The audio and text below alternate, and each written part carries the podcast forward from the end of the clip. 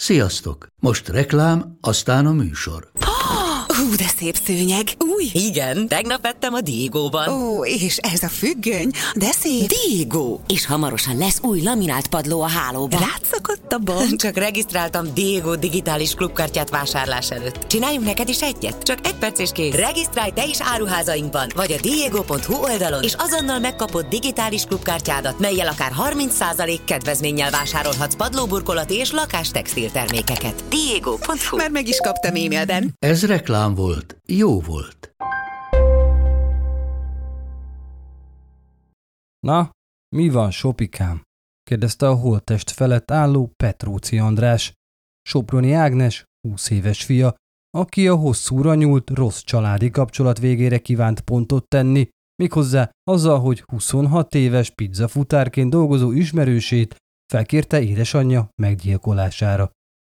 A brutális eset az egész országot felkavarta, hiszen mindenki ismerte a tehetséges színésznőt, ám azt kevesen tudták, hogy családi problémák sorozata, elhúzódó vállás, nincs telenség árnyékolta be az ígéretesnek induló karriert és családi életet.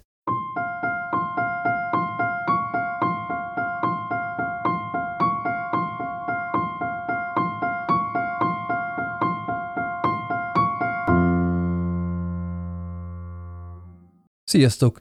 Szatmári Péter vagyok, és ez itt a mostanában ritkán hallható Bűntények Podcast. Azon belül is egy újabb magyar eset.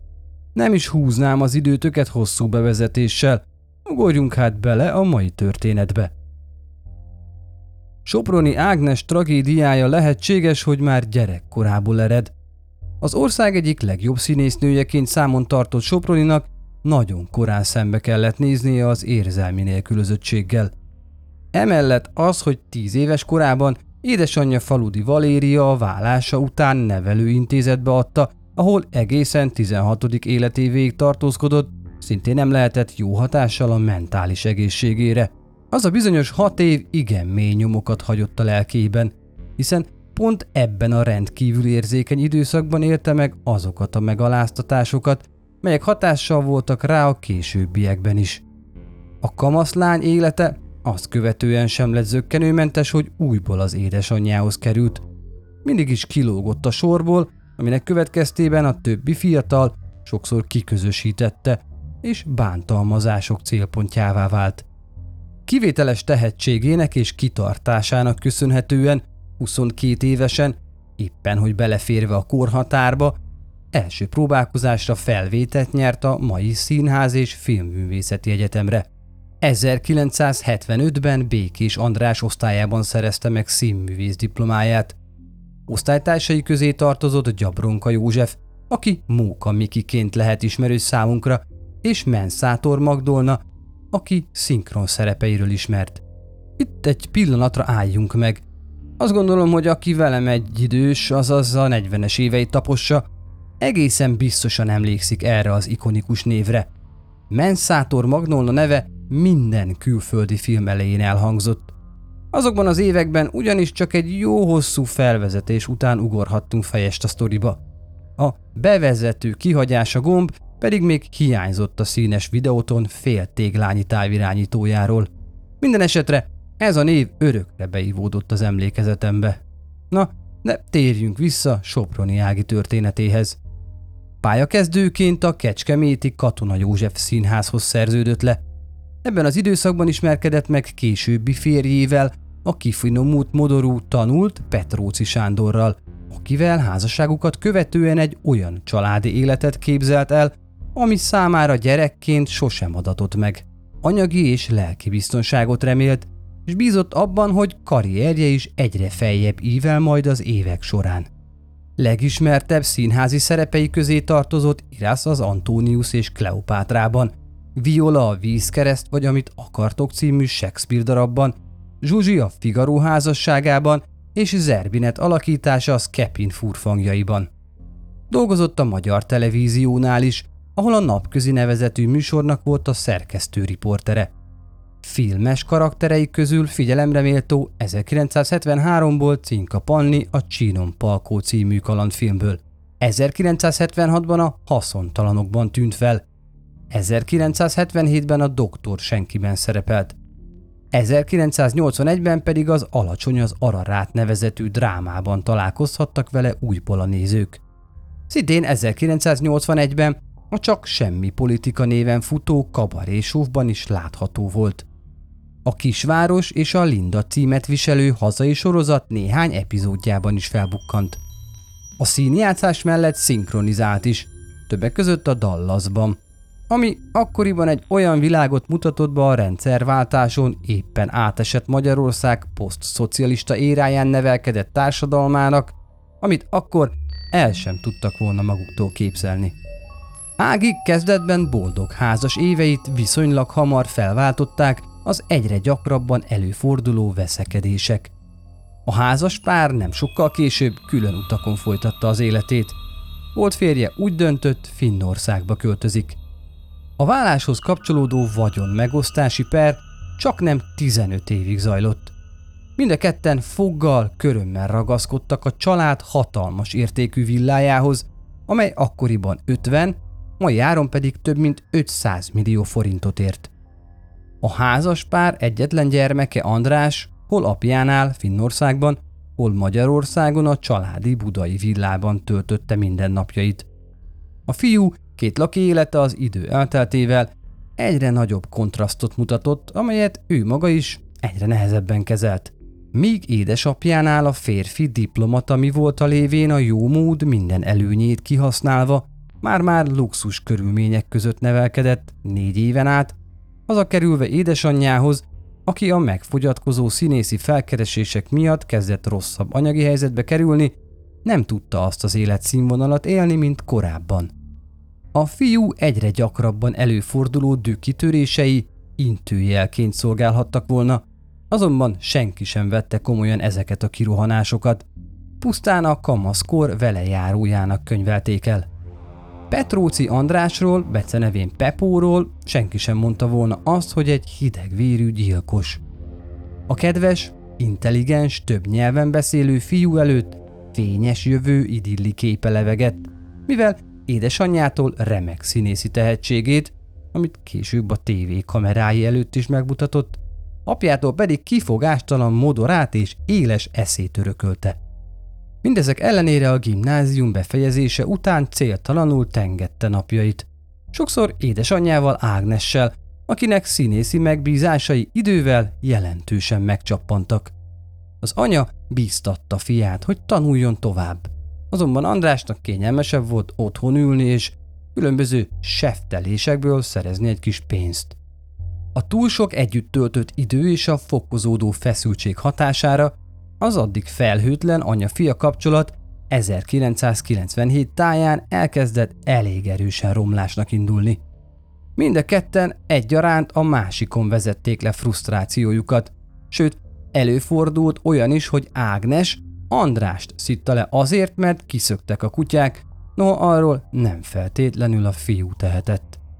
A pattanásig feszült helyzet nem sejtetett semmi jót de ami ezek után következett, még a legmerészebb rémálmainkat is felülmúlta.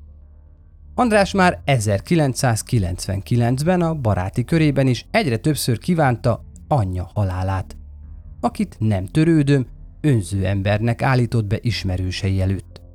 Minden bizonyal az is erősítette édesanyja iránt érzett gyűlöletét, hogy az nem volt hajlandó továbbra is pénzzel ellátni a már felnőtt fiát, aki javarészt semmit tevéssel töltötte otthona mindennapjait.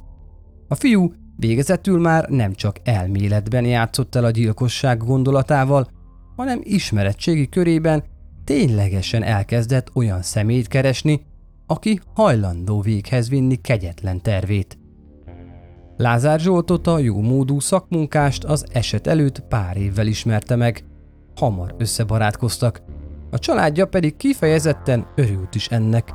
Abban reménykedtek, hogy a hat évvel idősebb Zsolt jó hatással lesz a hát kissé elveszett fiúra. A 2000-es év elejére András és édesanyja kapcsolata olyannyira megromlott, hogy a fiú elhatározta. A tettek mezejére lép. Először barátnőjének szólt, hogy keressen bérgyilkost, majd a barátainak. Azonban senki sem jelentkezett, aki hajlandó lett volna kivitelezni a tervét. Utolsó esélyét próbára téve Zsoltnak ajánlotta fel, hogy kap 8 millió forintot, ha megöli anyját Soproni Ágnest. Az elképzelése az volt, hogy édesanyja halála után eladásra bocsátja a több milliót érő villát, és abból fizeti ki a gyilkost. Az újonnan megismert barát eleinte nem igazán akart kötélnek állni, de a jó meggyőző képességgel rendelkező András addig kecsegtette pénzzel az idősebb fiút, hogy az végül beadta a derekát. A tervről tudott András akkor 24 éves barátnője is, aki, mint az a későbbi tárgyalások során kiderült, csak az előkészületekben segítkezett. 2000. március 13-án András kétségbe esetten értesítette a médiát és a rendőrséget édesanyja Soproni Ágnes eltűnéséről. Megtörten nyilatkozott a TV2 Forró nyomon című műsorának, azt sugalva, hogy Ágnes szándékosan hagyta őt magára. A számítógépéről kitörölt dokumentumok, az üres naptára mind azt a benyomást keltették, hogy az édesanyja készült az eltűnésére. Nem tudom, sehol, sehonnan nem vitték be balesetből a kórházakba. A naptára üres volt attól a naptól kezdve. Az, hogy itt a, az összes feljegyzését kidobálta, annyira, hogy még a szemetesben se találtam meg. A számítógépből törölt minden dokumentumot, minden levelet, amit ő írt. A, annak voltak ilyen biztonsági másolatai floppy lemezeken, azokat elővette a szekrényből és kitörölte a menedzser kalkulátorát, kiürítette, eltette a helyére. Több hónap telt el új fejlemény nélkül Soproni Ági hollétét illetően. Mindeközben András elköltözött a családi házból, azt kiadta a bérletbe, ő maga pedig máshol kezdett lakhatást bérelni. Feltételezhetően, hogy ebben az időszakban is gyanús üzletekből szerzett pénzt, mobiltelefonokkal próbált kereskedni, de az unokájáért aggódó anyai Soproni nagymama is kisegítette olykor pénzügyileg. Eközben szép lassan több mint fél év telt el Soproni Ágnes eltűnése óta, azonban a rendőrség továbbra sem jutott előre az ügyben, amit kezdetben csak államigazgatási eljárás keretében vizsgált. 2000. októberében azonban ez megváltozott, ugyanis időközben kihallgatták Petróci András akkori barátnőjét Dajka Beát, aki a későbbi gyilkossági ügy harmadrendű vádlottja lett, és a tőle kapott füles alapján, miszerint barátjának Andrásnak köze van édesanyja eltűnéséhez, a nyomozás új fordulatot vett. De mi is történt pontosan 2000. március 9-én? A hűvös, kora tavaszi estén Ágnes, a fia András és annak barátja Zsolt a budai villában tartózkodott. A hatalmas ingatlan elég tágas volt ahhoz, hogy a két fiú az emeleten nyugodtan elvonulhasson, és megbeszélhesse az este és a gyilkosság forgatókönyvét. Mivel Zsoltnak kezdett inába szállni a bátorsága, András egy kis alkohollal próbált bátorságot önteni barátjába, ami azt jelentette, hogy körülbelül két és fél deciliter virmos körtét ittak meg fejenként. Zsolt még így is vonakodva vette fel az előre kikészített gumikesztyűt. Az alkoholtól végül kellően felbátorodott fiatalok először kilesték a szobájában már alvó Soproni Ágnest. Ezt követően András felment a szobájába zenét hallgatni, mivel vallomása alapján nem akarta hallani a gyilkosság zajait. Zsolt ezután felkapta a már napokkal azelőtt oda készített 40 cm-es, vastag, háromeres kábelköteget, amire Ágnes még korábban rá is kérdezett, hogy mit keres az a lakásban. András azonban anyja kíváncsiskodását elintézte annyival, hogy a kóbor kutyákat akarja elüldözni vele. A sötétben béktyúval a kezében Hangtalanul osonó gyilkos belépett a már mélyen alvó anyuka hálószobájába, és egyetlen hatalmas csapással lesújtott, amire az áldozat azonnal felébredt. Ezt követően dulakodás hangjai hasítottak az éjszaka csendjébe, sikolyokkal tarkítva, melyet Ágnes fia András az emeleti szobájában nem hallott a teljes hangerő szóló fejhallgatójának hála. A színésznőnek kis termetéből adódóan esélyesen volt a jó erőben lévő 26 éves támadója ellen, aki az első csapás után idegvérrel megfojtotta a szabadulni próbáló áldozatát.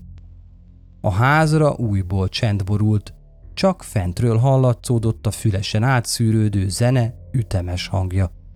Feladata elvégeztével Zsolt visszament a várakozó Andráshoz, aki miután értesült anyja haláláról, szerette volna saját szemével is látni, hogy a terv, amit már hónapok óta dédelgetett, bevégeztetett.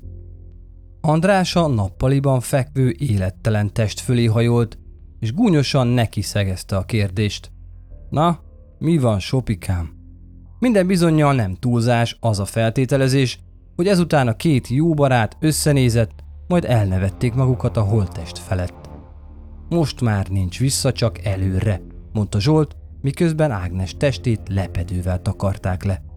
Ezután Soproni Ágnes bankkártyáját magukhoz véve elindultak kocsikázni a hideg éjszakában. 50 ezer forintot levettek a nő számlájáról, bevásároltak, kikölcsönözték a Ronin című filmet, majd visszatértek a budai villába. Ettek, filmeztek.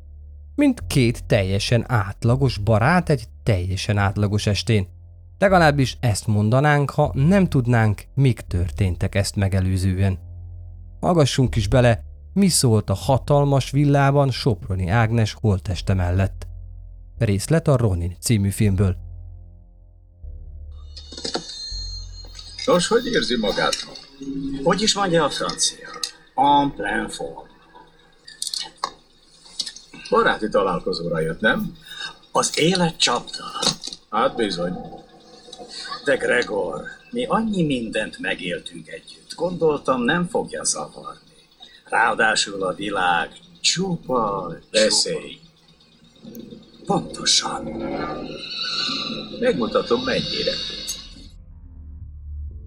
Ez a két fiú minden volt, csak átlagos nem. Nem túl sokáig lazítottak, mivel a gyilkosság összes apró szálát el kellett varniuk.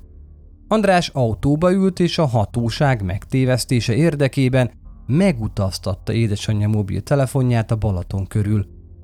SMS-eket küldött a saját telefonjára, olyanokat, mint a kutyákat etesd meg. Hívásokat indított, melyeket a barátja fogadott András telefonján.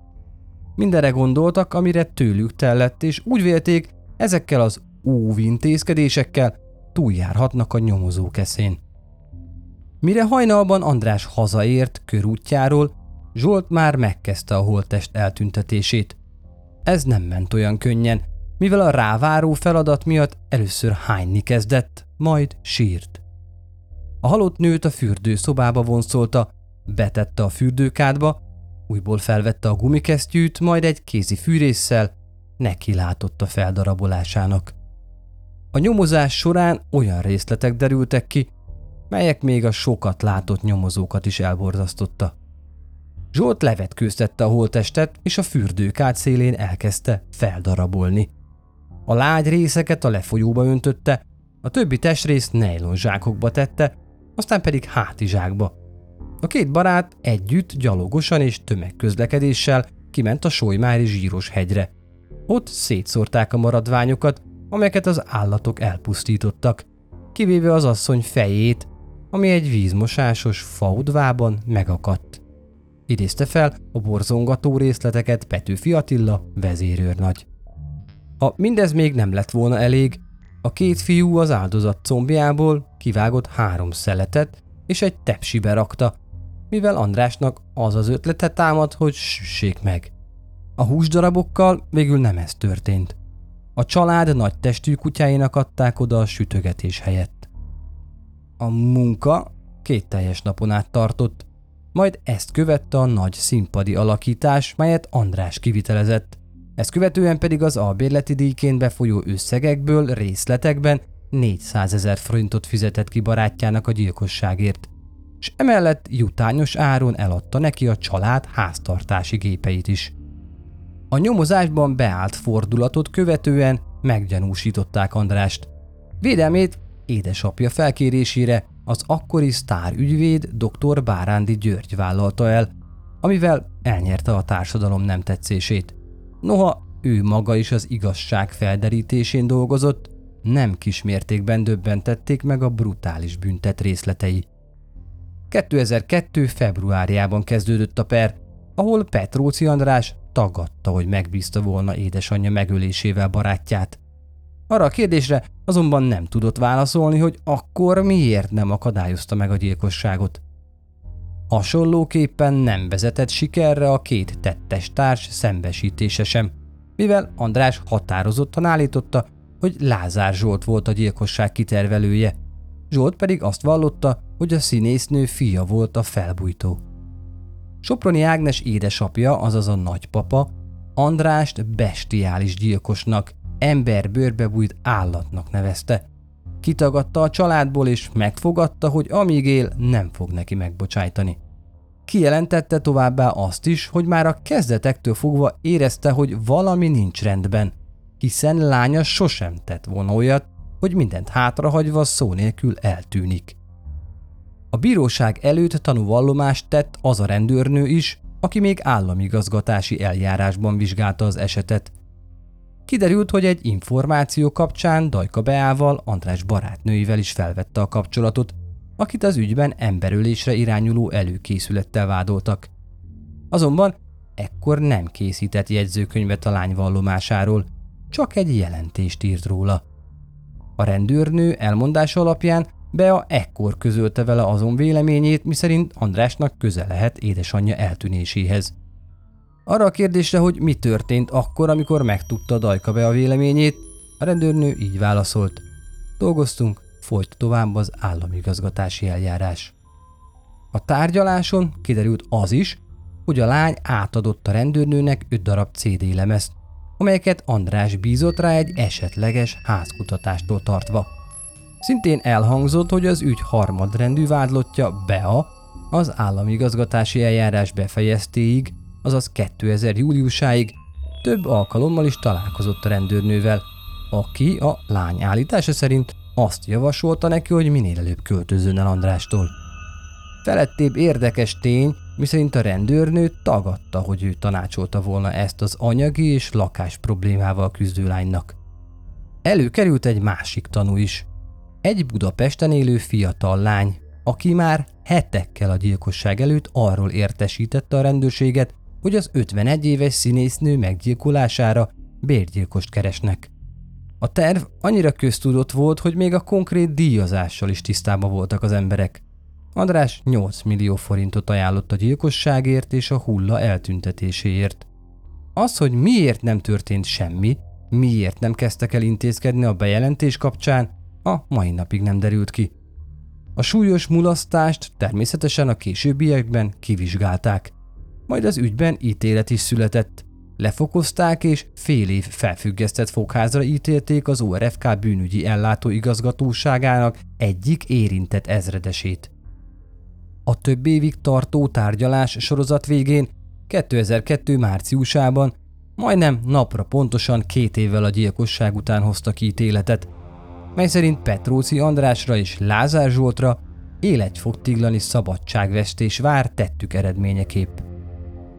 Egy évvel később született meg másodfokon a döntés, ahol jogerősen, előre kitervelten nyereségvágyból elkövetett emberölés büntette miatt életfogytiglani szabadságvesztésre ítélték, tettesként Lázár Zsoltot, felbújtóként pedig Petróci Andrást.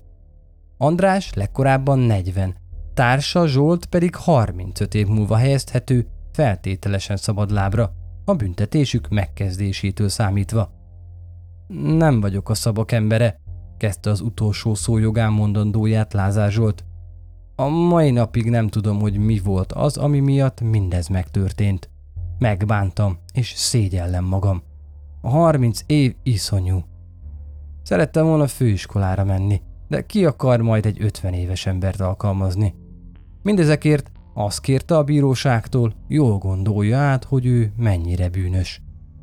Petróci András jelenleg a Szegedi Csillagbörtön rabjaként éli mindennapjait. Szabad idejében angol nyelvoktatásával foglalkozik, és tartja a kapcsolatot édesapjával. Legkorábban 2043-ban szabadulhat. A régen tündöklő budai villa mára az enyészet áldozata lett. Drogosok, hajléktalanok keresik csak fel menedékként. Néha egy-egy kíváncsi személy is a romokhoz zarándokol, hogy a saját szemével láthassa a borzalmas helyet. Szinte az egész házat lerombolták, viszont a kád, amelyben brutális kegyetlenséggel feldarabolták a színésznőt, ma is a régi helyén áll. Hogyan fajulhatott a helyzet idáig? Esélyes, hogy a bizonytalan anyagi helyzet, a fiú korábbi luxus életének hiánya miatt érzett frusztrációja, a túl sok anyjával töltött idő és a megromló anya-fia kapcsolat vezetett a végzetes éjszakához. Elgondolkodtató, hogy ha időben észreveszik a fiú elfolytott érzelmeit, megelőzhető lett volna a tragédia. Azonban, ahogyan több tanú is említette, András igazi mestere volt annak, hogyan rejtse el érzéseit mások előtt. Mint egy igazi szociopata. De hallgassuk meg, mit gondol erről Karner Beáta szakpszichológus. Attól, hogy valakinek nehéz gyerekkora volt, nem lesz magától értetődően szülőgyilkos. Nincs egyenes oksági kapcsolat a kettő között, szerencsére. Számtalan bántalmazott vagy elhanyagolt gyereket ismerünk, aki még ennek ellenére is kötődik a szüleihez. Sőt, felnőtt korban képes a megbocsátásra is. Jelen esetben nem egy hirtelen felindultságból elkövetett emberölésről beszélünk, amikor a sok sérelem összegyűlik, és a dű, az elkeseredettség hirtelen kontrollvesztést, és ezzel együtt agressziót szül. A fiú tervet szőtt anyja meggyilkolására, amit hosszan, aprólékosan kidolgozott, és szövetségeseket vont be annak végrehajtásához. A pszichopatákra jellemző módon csak saját céljait és ösztöneit tartotta fontosnak. Az ilyen emberek számára mindenki más csak eszköz, legyen az hozzátartozó, szomszéd vagy házi állat. A pszichopatáknak nincs lelkiismereti funkciójuk, nem éreznek bűntudatot, sőt, még igazolják is tetteiket, miszerint a másik megérdemelten bűnhődik. Hiányzik belőlük az empátia, tehát képtelenek azonosulni mások lelki állapotával. Az érzelmek emiatt nem hatják meg őket. Fejben konstatálják, hogy valaki sír, dühös vagy fájdalmat érez, de ez nem okoz érzelmi lenyomatot bennük. Felmerül bennünk a kérdés, miért is lesz valaki pszichopata? A kóros állapot kialakulásáért elsősorban örökletes tényezők tehetők felelőssé. A környezeti hatásoknak csak kisebb szerep jut. Kutatások azt mutatják, hogy az agyi központok közül az érzelmek kialakításáért felelős amigdala és a döntéshozatalban, illetve a viselkedés szabályozásában szerepet játszó prefrontális kortex érintett leginkább.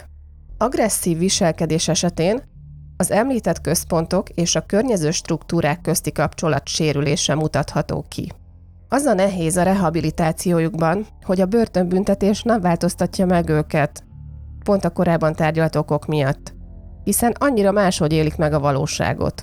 A jó és a rossz, az erkölcsi normák számukra nem egyetemesek, és a saját világképükből indulnak ki.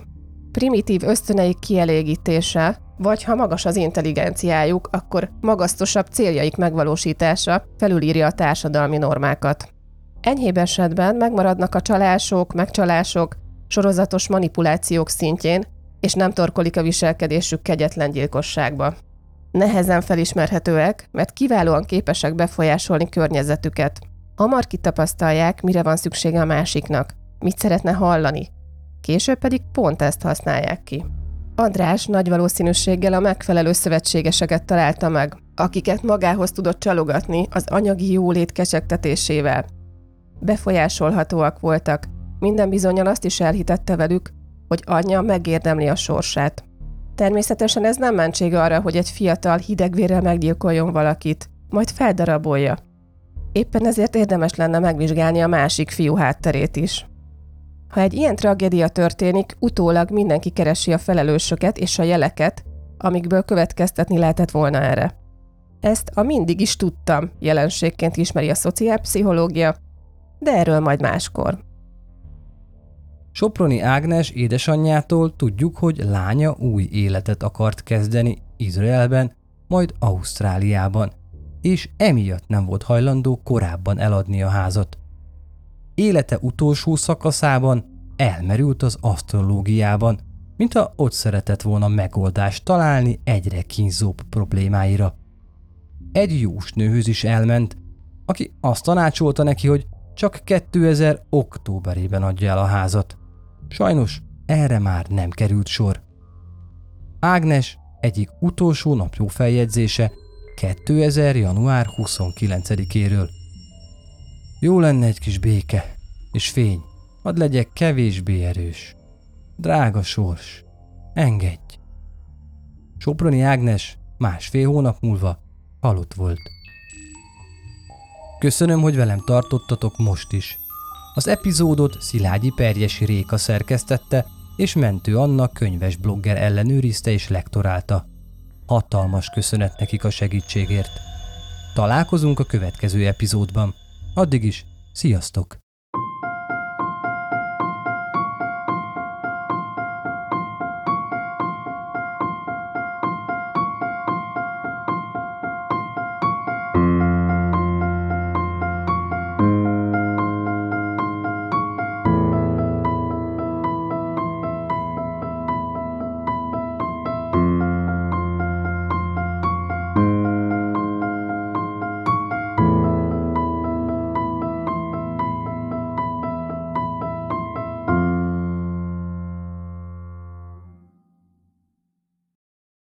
Ha más podcastekre is kíváncsi vagy, hallgassd meg a Béton műsor ajánlóját.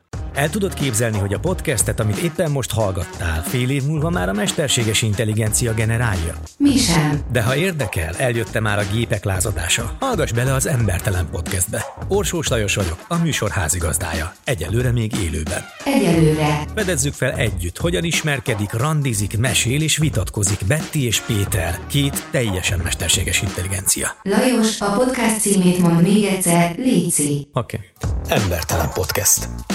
Ez a műsor a Béton közösség tagja.